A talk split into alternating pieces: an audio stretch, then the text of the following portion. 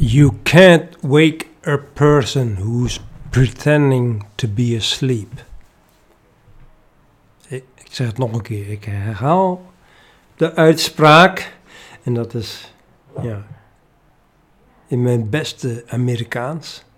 You can't, you cannot wake a person who is pretending to be asleep. Nou, nu, eh, ik ga hele korte, korte, short podcast op- opnemen en eh, aan de hand van iets grappigs. Maar ik dacht, eh, ik zit hier met een bak koffie en ik dacht terug aan, aan, aan deze uitspraak. Die, dat, is een, dat is een uitspraak die, die komt volgens mij vanuit de, zoals heel veel mooie uitspraken eh, voorbij ziet komen, die, komen, die dan van natives afstammen, van de indianen. Dat is een indianenwijsheid, wijze eh, uitspraak. Die, you can't wake a person who is pretending to be asleep.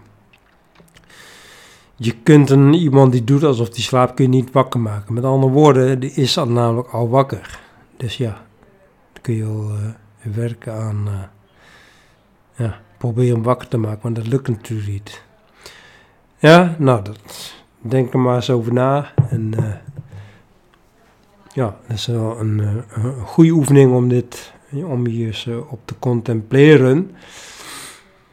Ehm, het vergelijkbaar vind ik met, het heeft niet zoveel zin om aan gedragsverandering te werken, want gedrag is namelijk altijd aan verandering onderhevig. Komt op hetzelfde neer. Alright, oké jongens, fijne dag.